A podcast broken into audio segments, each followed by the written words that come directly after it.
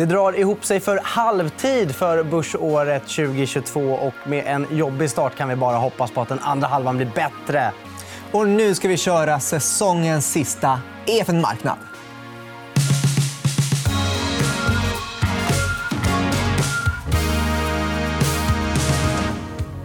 Och vi hälsar två riktigt ruttade förvaltare varmt välkomna. Erik Sprinkorn och Lotta Faxén. Välkomna tillbaka hit. Tack så mycket. Kommer det bli någon sommarlov för er eller är det skärmarna som gäller? Nej, men det blir väl lite både och, tror jag. Man är ju så mobil och digital för tillfället så man kan väl vara, kolla skärm på stranden. Ja, nej, men vi, vi är två, två ommet på, på jobbet. Så vi får väl, jag ska försöka stänga av helt någon vecka här och där också. Mm, skönt. Eh, vi ska göra så här. Vi ska börja med att sammanfatta det som har varit hittills i år och sen försöka blicka framåt och fokusera mest på att blicka framåt, för det är oftast det roligaste. Eh, men, men hittills, då, eh, Lotta. Mm. Hur har det varit för dig som förvaltare 2022? Räntor stiger, aktier faller, inflationen skenar. Vad gör man då? Ja, men det känns väl kanske någonstans som att vi är tillbaka till ett normalläge där vi var för tio år sedan. Alltså, vi är ju jag är tacksam att ni sa ruttade och inte gamla. vi har ju varit med så länge att vi har ju faktiskt levt i en på en börs där det har både funnits inflation och eh, det har funnits räntor. Så att vi är väl tillbaka till ett eh, normalläge. Det är väl många som aldrig har upplevt en värld med räntor innan som kanske tycker det är lite jobbigare med att räntorna är på väg att stiga.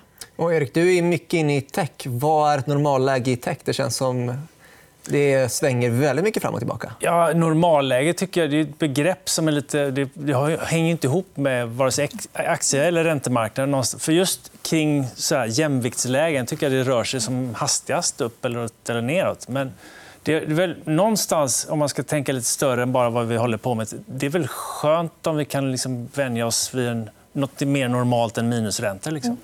Mm. Hur upplever ni stämningen på stan? Då? För jag har för första gången på, på väldigt länge börjat uppleva när jag eh, skannar sociala medier att det börjar faktiskt finnas en ganska rejäl uppgivenhet på sina håll. Känner ni samma från branschkollegor och så när ni pratar ute på stan? Eh, nej, men jag personligen tycker inte jag det. Utan, eh, det som jag tror de flesta med mig såg, att vi kom ju från ett 2022... Det var, vad var så här, 6 PRX, vanliga börsindex, upp var det 40 eller nåt. Alltså, vinsterna var ju inte på långa vägar upp med 40% aggregerat i börsbolagen. Så man får backa bandet lite och säga att vi kommer från ett väldigt, väldigt starkt börsår. Eh, sedan så ut, har ju det här kriget i Ukraina det har ju det utlöst massa grejer som man inte trodde skulle komma. Men börsen började faktiskt falla eh, innan dess. Och eh, själv känner inte jag att det är drivet så mycket av utflöden ur aktiefonder utan det är mer drivet av eh, andra faktorer. Jag kan tänka mig att en del Eh, utländska investerare, eller utlänningarna som, alltså, som vi säger att eh, eh, när kriget bröt ut så tror jag att de tog Europa på kartan, kollade vad ligger nära Ryssland och sedan liksom har sålt av lite marknad eh, efter marknad. Men eh, jag tror mer att man är lite ledsen för många sparares skull än att man är orolig för börsen över tid. Eller? Ja, nej, men, för mig då, som är liksom dedikerad den innovativa änden av näringslivet och vår typ av bolag... Det var inte så att det plötsligt hände någonting i år, första halvåret. Utan de hade ju tufft egentligen från början av förra året. Så någonstans, jag och mina gelikar som håller på med den här änden av... Vi har ju fått genomleva det här i 18 månader. Vi hade liksom, på total nivå hade vi någon slags mellanmjölksår förra året medan börsen steg som, som om det inte fanns någon morgondag. Men, så att, någonstans har vi levt länge med det att ränteoro och, så, eller ränteoro och sen bra rapporter. Ränteoro, bra rapporter. Det, det har varit liksom sex kvartal av det där nu. Så att, eh, jag, jag, känner mig rätt trygg i det här med att, alltså, den gamla sägningen att, att aktier går dit räntorna går. Eller förlåt, dit vinsterna går. Sen kan det vara... Upp då, menar du? aktier går dit vinsterna går. Och, och, men det kan bli rejält med fluktuationer under, under, under vägen. Och, Förra året mellanmjölk, i år en rejäl fluktuation. Och mm. precis som du säger, drivet av, av krig i Europa som ingen men, av oss upplevt. Ja, men Albin, jag håller helt med dig. att Det känns som att eh, finanstwitter är mycket oroligare än ruttade Twitter, eller ruttade ruttade. ruttnade kanske. Ruttna förvaltare. Ja, men det, och det kanske beror på att ni, ni, har ju ändå, ni måste ju lätt tillsammans ha minst 40 år tillsammans av erfarenhet av börsen, ni två. Ja, Man räknar 50 kanske. Ja. Eh, Och det är många på Finanstwitter som kanske har sex månader, 12 månader som inte vet och förstår vad händer nu. Nej, men för man tror, såg ju faktiskt också på både så Avanza och Nordnet under när corona bröt ut. De har ju fått in jättemånga nya sparare. Och det är ju inte så att det är ett gäng 40-plussare som helt plötsligt har fått för sig att man ska börja spara på Avanza och Nordnet. Utan det är ju så många unga som kanske inte heller har upplevt några större börsnedgångar. För den senaste så här rejäla börsnedgången som vi hade det var ju 2000, eh, 2008. Och en 20-åring var ju åtta år då och antagligen ganska omedveten om vad som hände när pengarna helt plötsligt tog slut. Sedan hade vi ju eh, eurokrisen under 2011 också. Men då var ju det väldigt europeiskt. Dina techbolag berördes ju inte alls av det borta Ja, jag, i jag USA. håller inte med om det. Men det så, vär- värderingsmässigt så, så var ju hela börsen tokbillig 2011. Ja, ja, men det var ingen som förstod det då. Nej. Mm. För alla var så otroligt bäsade rent allmänt. Så igen då, min, mitt innova, innovativa lilla ände då. mm, Småbolag i Norden som håller på av tillväxtkaraktär. De var ju på samma multipel som resten av börsen. Mm. Och börsen var liksom under 10 gånger ebit. Men eh, stopp. Man säger ju ah, nu är det ränteoro, inflation, eh, börsen går ner. Men man har alltid sagt det i goda tider att när det kommer dåliga tider det är då man ska in och investera. Det är då man ska månadsspara mer aggressivt, då man ska ha ännu mer pengar. Och sen när börsen går ner då tappar man humöret och då blir det tuffare. Men Men du, du, Albin, du nämnde uppgivenhet. Och det är väl någonting som, som det är värt för oss alla, var och en, att, att hålla lite koll på. För när, när man verkligen uppfattar att det finns en allmän uppgiven stämning ja, men då, då, ska ju, då ska man liksom lystra till det och säga "Ja, nu ska jag nog tänka tvärtom. Jag, säger, jag säger inte att det är läget just nu, men alltså, ju, ju fler som blir uppgivna, desto mer optimistisk blir jag i alla fall. Och sen är det ju mer uppgivet i vissa aktier än i andra också. Ja. Så att den här uppgivenheten är ju lite selektiv. Men som du var inne på, att, eh, alltså, min eh, paroll för vad den är värd det var att man ska ju inte stoppa in börs, pengar på börsen som man behöver inom ett år. Utan man må, det måste ju vara såna pengar som man kan avvara just för att de här, den här volatiliteten eh, som finns också. Så att om det är någon som ska stoppa in pengar nu för att den ska köpa lägenhet eller någonting eh, om ett halvår, då skulle inte jag råda dem att stoppa in pengarna på börsen precis just Men det hade du inte gjort om börsen hade gått upp eller? Nej, det hade jag inte. Nej, faktiskt. Men månadsspara, det tycker jag man kan göra. Är det, är det ett bra, kan det vara en bra strategi att när man har en ganska rejäl sättning i ryggen eh, från toppen att öka på månadssparandet lite till och med om man kan? Ja, men det beror på vad, vad man klarar av. Det, det gäller ju då att balansera att, att öka månadssparet, vilket kan synas klokt, liksom, mot att matkassen blev 10% dyrare, att, att elen blev jättemycket dyrare och att, att bensinen blev jättemycket dyrare. Liksom, det finns ju så många olika saker att, att ändå få med i den här kalkylen. Men, men sparande är ju, har ju massor med fördelar. Alltså, att vänja sig vid en lägre konsumtionsnivå. Det är bara en sån sak. Att, och då blir man inte automatiskt så att bara, om man börjar tjäna lite mer pengar, ja, men då sparar man lite mer. För då bibehåller den här eh, sunda konsumtionsnivån. Liksom. Mm. Och en sak jag har märkt också av är att det har blivit sånt himla fokus på lönsamhet och vinst. Och Det som tidigare kunde vara att man bara fokuserade på tillväxt i vissa bolag så börjar man liksom så här, nej men, eh, alltså, Klarna, nu får ni börja liksom fokusera på eh, vinsten. Eller eh, Delivery Hero, nu måste ni ha i Foodora en lönsamhet där. och så. Men kan det vara skönt för en förvaltare när man får återgå till att det blir men lite mer att ja, men beräkna kassaflöden och liksom kunna räkna hem den när det var innan, när Ja, men alltså, var Jag tror, inte att man som, jag tror inte att man som förvaltare bara helt plötsligt byter strategi för vad som eh, är inne på börsen just för tillfället. Alltså vi, vi har ju alltid fokuserat på lönsamhet, vi har fokuserat på kassaflöden och vi har fokuserat på balansräkningar. Det är ju ingenting som man börjar fokusera extra mycket på just nu när det börjar bli lite skakigt och eh, det kanske börjar bli svårt för bolag att få in pengar till nyemissioner och så. Det som man kanske tycker är skönt det är att andra också börjar tänka på det sättet.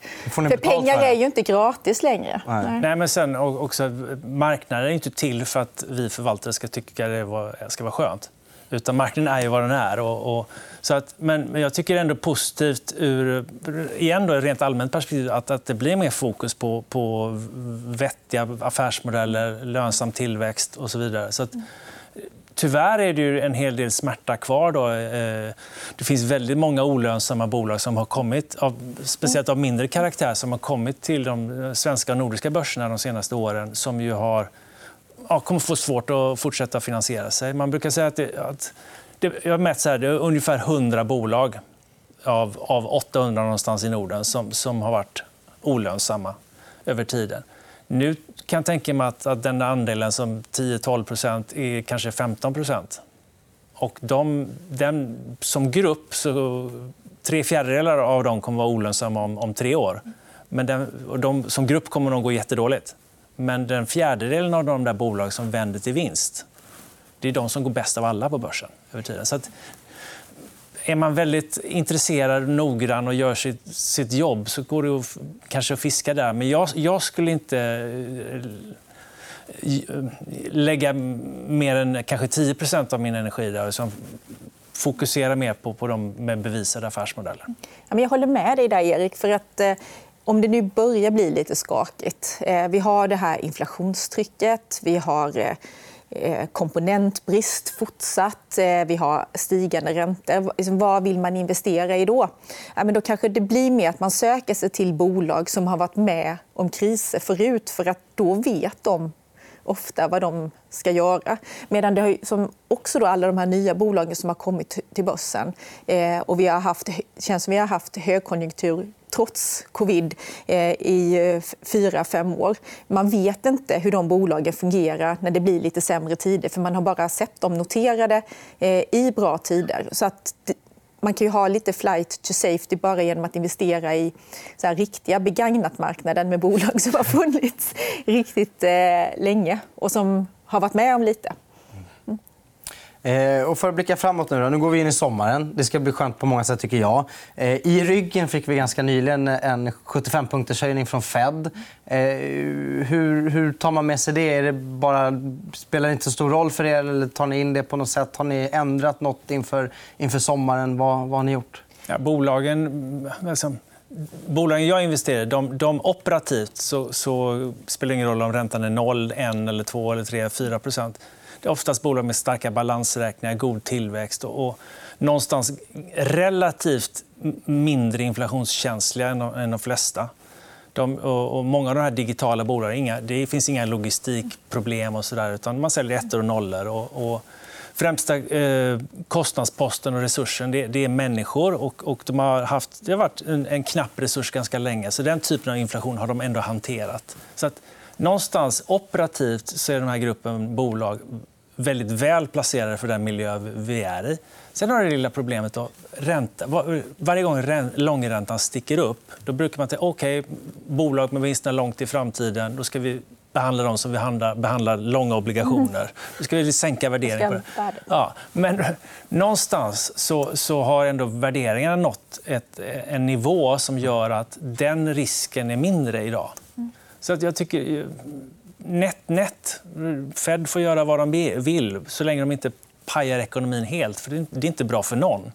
Men, men det här utgångsläget är ändå, ändå ett bra ställe att vara på i, i den innovation, innovationsdrivna delen av näringslivet. Och sedan får man inte glömma att eh, i USA har man ju en helt annan arbetsmarknad än eh, vad vi har här i Europa.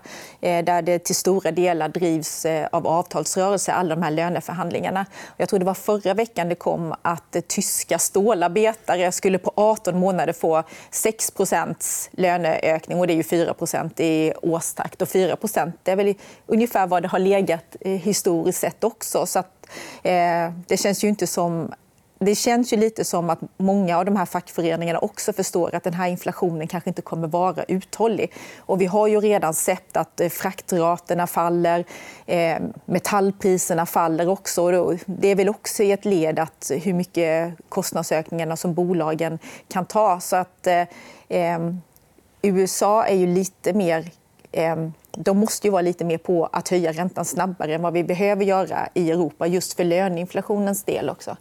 Och eh, du, Erik, nämnde lite grann om eh, balansräkning. Jag antar att ni båda kikar på balansräkning nu. Hur viktigt är det med bolag som har en nettokassa och kanske till och med kan agera med upp på uppköpssidan?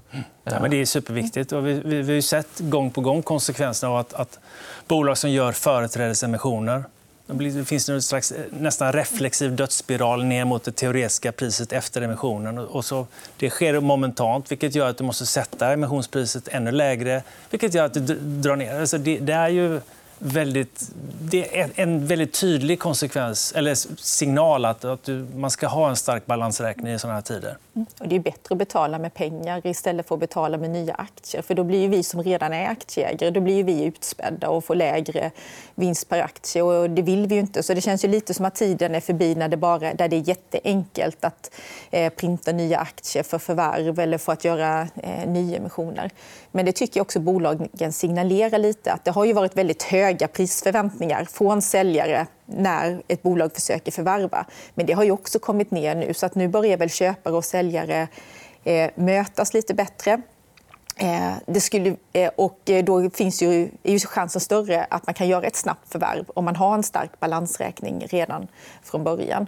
Eh, sedan kan vi komma i ett läge där det börjar komma ännu lite fler utköp från börsen när multiplarna på börsbolagen har kommit ner. Vi har ju haft både på eh, Swedish Match och vi hade väl var det Betsson, eller Leo Vegas var det va? Leo Vegas och idag var det ett eh, ett, också ett techbolag. Momentum, Momentum Software. Haldex. Som, Haldex, precis. Så det kan ju hända att det görs möjligheter för de för PE-bolag eller för riskkapitalbolag som har mycket pengar att köpa ut bolag också. Det där är superviktigt, eh, som du säger. Att, att när buden börjar komma igång på allvar det, det, det är någonstans också en viktig pusselbit i att kalibrera om marknaden är, är vettigt prissatt. Och uppenbarligen, några av de här, ja, både industribolag och mjukvarubolag kan vara, kan vara alldeles för billiga. Så att, att de blir offer då för uppköp. Men då blir jag nyfiken just för dig, Erik. Som, eh, ni, har, ni har Microsoft och Alphabet?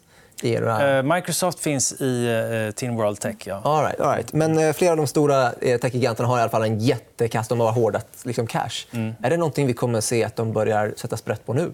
Ja, men det har de börjat. Jag menar, ta Microsoft då, som köpte ett av världens största dataspelsföretag, Activision för 75 miljarder dollar. Vilket är ett kvartals kassaflöde i princip för Microsoft. Men det, det, det, det, finns ju både de där stora spektakulära grejerna men i, i lite mer i det tysta så, så plockas nu Mercell, norska Mercell bort från börsen och Momentum. Och, och det kommer bli en, en högre sån aktivitet. Det, det, är jag ganska övertygad om. Mm. Och Momentum eh, det är ett ganska litet bolag noterat på First North och det noterades i december. Så att det har inte varit på börsen särskilt länge. Det gick fort. Ja. Men där hade ni en stek, eller hur? Ja, men vi ägde faktiskt 8% av bolaget. Så att... ja, får vi gratulera andelsägarna. Ja. Men vad, vad, vad, ska man sätta i kassan istället? Då? Eller rättare sagt, har ni gjort några och det är en fråga till er båda, men har ni gjort några förändringar eller ompositioneringar eller viktat upp någon sektor eller typ av bolag mer nu efter hur det här året har spelat ut sig? Ja, men mer, jag... ja, förlåt, men mer, mer bevisade affärsmodeller, absolut. Ja. Ännu hårdare fokus på lönsamhet och kassaflöden. Eh, Topp 10 har kanske historiskt varit runt 40% av portföljen. Nu snarare 47-48 Lite färre antal innehav, dragit ner från kanske eh, lite över 70 ner till 60. Så att förutom att det är starkare koncentration så har vi fortfarande ganska många skott på mål då, med bolag som kan göra nåt transformativt. Men, men ändå... Eh, och den lilla minoritet av portföljen som är i olönsamma bolag den är, kanske hälften av vad den var tidigare. Så det, stramat åt, men ändå försöka hålla oss flexibla och hitta spännande idéer bland de små bolagen. också. Mm. Jag förvaltar ju bland annat blandfonder som kan växla mellan aktier och räntor. Och sen är det, det där med timing, det är ju alltid supersvårt. Det går aldrig tajma botten och aldrig tajma toppen. Men under maj då har vi faktiskt börjat dra upp aktieandelen i våra blandfonder. För vi tycker att vi hittar så pass mycket attraktivt värderade bolag. Eh, så, så var inte riktigt fallet i januari. faktiskt. För att Då tyckte vi att värderingarna hade blivit för höga.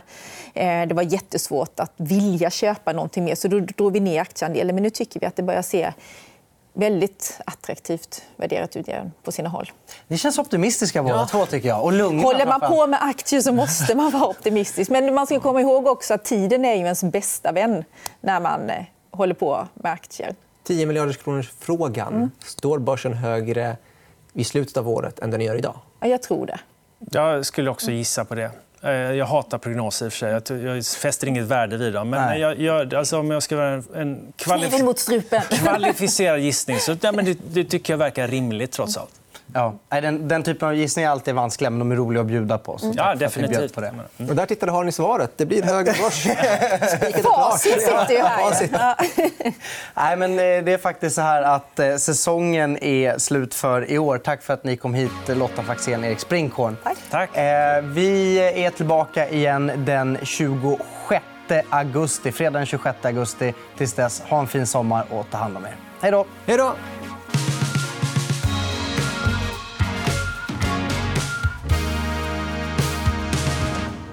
Du har lyssnat på EFN Marknad, en podd av EFN Ekonomikanalen. Mer om ekonomi och aktier finns på efn.se.